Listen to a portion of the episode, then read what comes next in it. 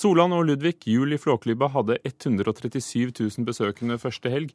Dermed ble det den nest beste åpningsfilmen eh, helgen for en norsk film i nyere tid. Og her skal vi høre når redaktør eh, Pløsen og hans journalist i Flåklypa Tidene barker sammen. Vi skulle ikke bare starta på nytt, da? Skrive om ordentlige ting? Hva er vitsen? Melvin, jeg må si deg opp. Nei! Men, men, men, men, en avis må jo ha en journalist! Å ja, men det har jeg. En som jobber gratis. Se her.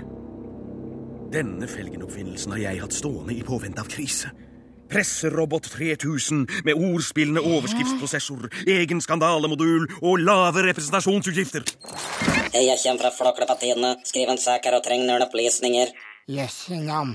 Har du betalt reskatten? Nei, Åssen forklarer du penger som mangler i kassa? jeg har ikke noe forklaring på det. Hvilke næringslivsfolk har du nære bånd til? Har du orden på kjørelistene dine? Nei, den er innstilt på revolverjournalist. Skru den av. Det var presserobot 3000. Rasmus Sivertsen, regissør for Julie Flåklypa, velkommen. Takk for det. takk for det. Hvordan kom dere på presserobot 3000?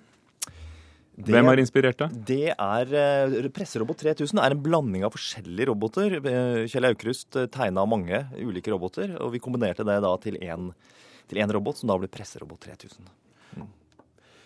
Presten slipper ikke billig i denne filmen din. Hvorfor ikke? Nei, det var, det var når vi, når vi jobber med manus, så, så jobber vi lenge uten at vi hadde noen spesiell eh, motstander eller, eller skurk. Eh, og historien mangla litt fremdrift. Eh, og etter en stund så kom vi fram til at vi trengte en motstander.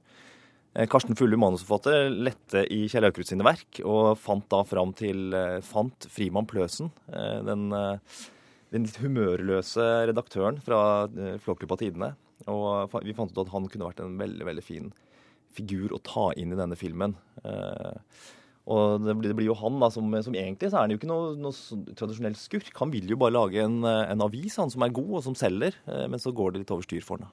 Det slo meg at det er mye aktuell satire da, i, i Juli Flåklypa også, som Ja. tilpasset uh, vår tid i forhold til Flåklypa Grand Prix. Det er jo det som er litt gøy, og det er det som har vært litt av målet også med denne filmen, er jo å vise altså Kjell Aukrust var jo en stor satiriker, eh, og mye gjennom da Flåklypa Tidene-serien sin. Så vi, vi syns det er veldig gøy å ta tak i den delen av hans forfatterskap, og, og ta det videre også, som, eh, som har vært veldig, veldig gøy. Men siden Flåklypa Grand Prix er det den mest sette norske filmen gjennom tidene, eh, hvilke tanker gjorde du deg da du satte i gang?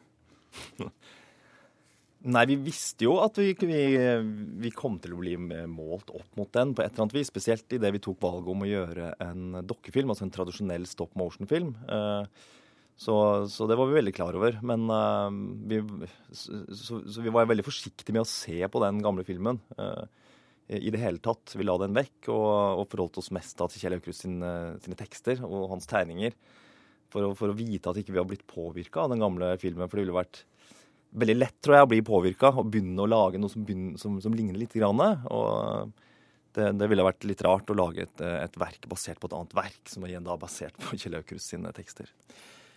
Du nevnte stop motion. Du, Rasmus Sivertsen, er jo en av nestorene allerede i, i norsk animasjon, og var med å grunnlegge Kvisten animasjon, som har produsert den. Dere har insistert på å gjøre det i Norge. Mm. Og stop motion, det betyr altså at Det betyr at det er dokker eh, som har skjelett inni seg, og som kan flyttes på. Og så tar man da ett og ett bilde av disse dokkene, flytter på de og tar et bilde, og flytter på de og tar et nytt bilde. Så det er jo, en måte, er jo den, en, av de eldste animasjonsteknikkene. De første animasjonsfilmene som ble gjort på slutten av ja, for 100 år siden, da. Eh, De, de, var, de var ofte stop motion-filmer. Fordi det var en enkel måte å lage trikkfilm på. Men likevel så ser det litt annerledes ut enn Ivo Caprinos utgave av Flåklypa. Hva, hva er forskjellig? Det er, vet du hva, det er eh, litt vanskelig å svare på. Det er lenge siden jeg har sett eh, Ivo Caprino sin eh, versjon. Jeg gleder meg til å se den igjen etter hvert. Men er, er det noe digitalt hos dere? Det er, ja, det er klart. Det er, vi, vi har gjort uh, digital snø. Uh, det var vanskelig å animere denne, alle de små snøkornene i lufta. Så vi har eh, Alt av snø er, er, digitalt. Byen og landskapet? Byen og landskapet er bygd.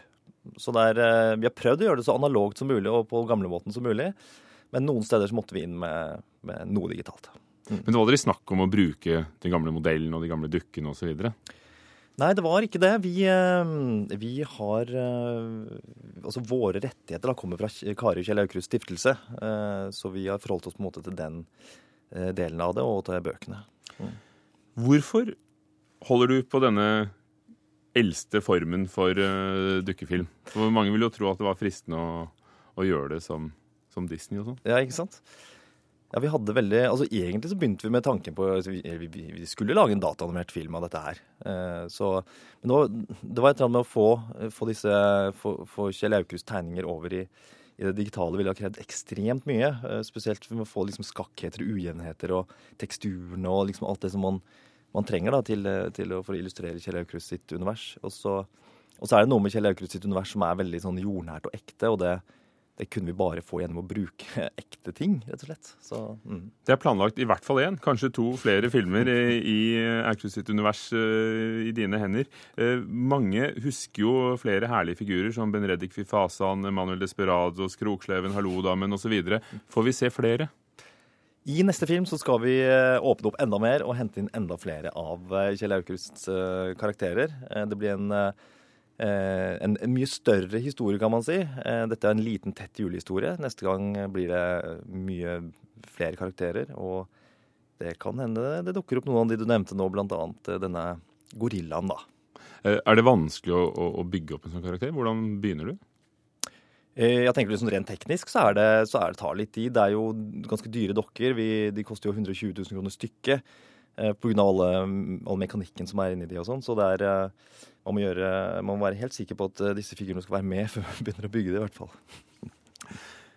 Som regissør Rasmus Sivertsen, jeg vil spørre deg, hva er din favorittfilm? Altså, min favorittfilm det er en kortfilm på syv minutter som heter eh, Mickey's Trailer, som ble laget i 1936 av Disney. Hvorfor den? Og hvordan inspirerer den deg? Altså den, eh, det er en film jeg så veldig mange ganger da jeg var liten. eh, Og den har en, eh, den har en sånn frodighet og en sånn overanimerthet som de filmene hadde på den tiden. Der liksom alt nesten er av gummi og beveger seg. Denne campingvognen til Mikke som er med Langbein og Donald. og eh, Den er så rik og så fullanimert at eh, det er en fryd. Det, hva syns du? Det må kanskje være en fryd for deg også at Julie Flåklypa gjorde det så bra den første helgen? Det var en, eh, det var en, var en fantastisk eh, opplevelse etter å ha jobba med denne filmen så utrolig lenge og så utrolig hardt som vi har gjort. Og når kommer den neste, da? Neste film, Mm. det blir Fra Flåklypa? Ja, det er to og et halvt år til. Takk skal du ha. Rasmus Sivertsen.